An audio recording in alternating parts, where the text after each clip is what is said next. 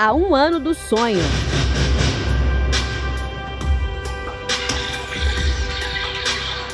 Rio de Janeiro, els Jocs de la Crisi. A contagem regressiva começou para os Jogos Olímpicos Rio 2016. 5 d'agost del 2015, Rio de Janeiro comença el compte enrere dels primers jocs que es faran a Sud-amèrica amb una festa i una afirmació. El Brasil seduirà el món. Després de 7 anys de feina, ara, quan falten 6 mesos, les obres de les instal·lacions olímpiques estan pràcticament acabades, però hi ha problemes en les infraestructures, dubtes sobre la seguretat i poc entusiasme popular. Retallades, contenció y sostenibilitat. Hasta el momento no tenemos todavía ni un centavo de, de recursos públicos en el comité.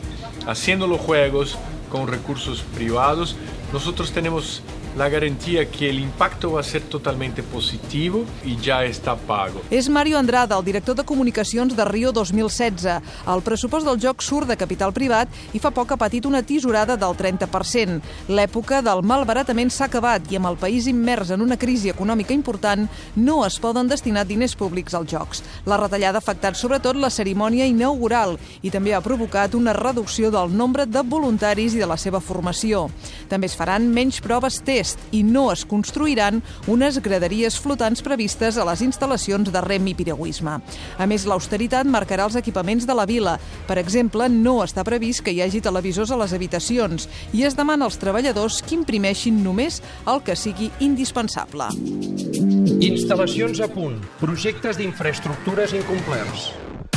Les instal·lacions del Parc Olímpic, una de les tres grans àrees, estan acabades en un 97%, igual que la Vila Olímpica, que s'obrirà als atletes el 24 de juliol, i el Centre Internacional de Premsa. Les previsions són bones i es calcula que tots els pavellons estaran enllestits a temps. Fa pocs dies, però, el comitè organitzador va rescindir els contractes amb l'empresa IPEC, responsable de les obres del Centre de Tenis i del Dípica per incompliments de contracte. La crisi econòmica i política i les sospites de corrupció posen en perill que infraestructures importants com la línia 4 del metro es puguin acabar. Es tracta d'una línia nova de 16 quilòmetres destinada a transportar 300.000 persones diàries al Parc Olímpic i que s'hauria d'inaugurar l'1 de juliol. Tampoc està clar si sense el metro hi hauria transport alternatiu amb autobusos, tot plegat entre manifestacions continuades dels ciutadans enfadats amb l'augment dels preus del transport públic. D'altra banda, el que segur que no es podrà complir és la promesa de descontaminar les aigües de la badia de Guanabara, on es faran les proves de vela i que rep un 65% dels residus de la ciutat.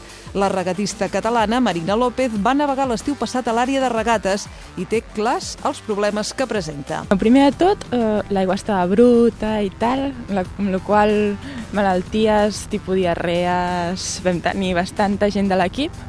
I per altra banda també la qüestió de que si hi ha plàstics, si hi ha bessures, si hi ha bosses flotant per l'aigua, nosaltres tenim, tenim els timons i les orses que van per dins de l'aigua i s'enganxa. Amb la qual els timons poden saltar i pots arribar a quedar-te sense control de barco i amb les orses es pot enganxar i fa que el barco vagi molt més a poc a poc. També hi ha problemes de contaminació a les aigües on es farà el rem, el piragüisme i el triatló.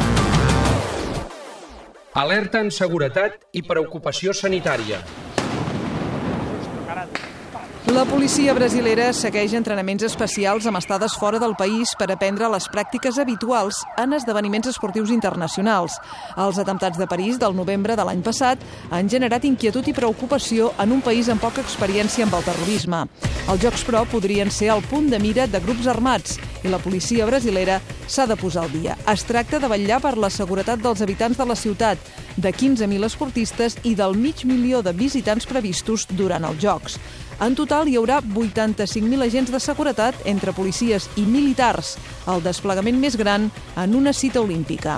La seguretat preocupa i també amoïna el mosquit transmissor del Zika i el dengue, dues malalties que poden tenir conseqüències importants. Marcos Vinícius Ferreira és el coordinador de salut de l'Ajuntament de Rio. Qualsevol lloc ple de gent està considerat un lloc estratègic per combatre el mosquit. Tots els estadis de futbol, per exemple, en són. Tenim un tractament diferent per a cadascun d'aquests llocs durant tot l'any. El Sambòdrom també. No s'omple sempre, només quan hi ha un esdeveniment molt important, però també és estratègic i per això, abans d'usar-lo, passarem un tractament específic.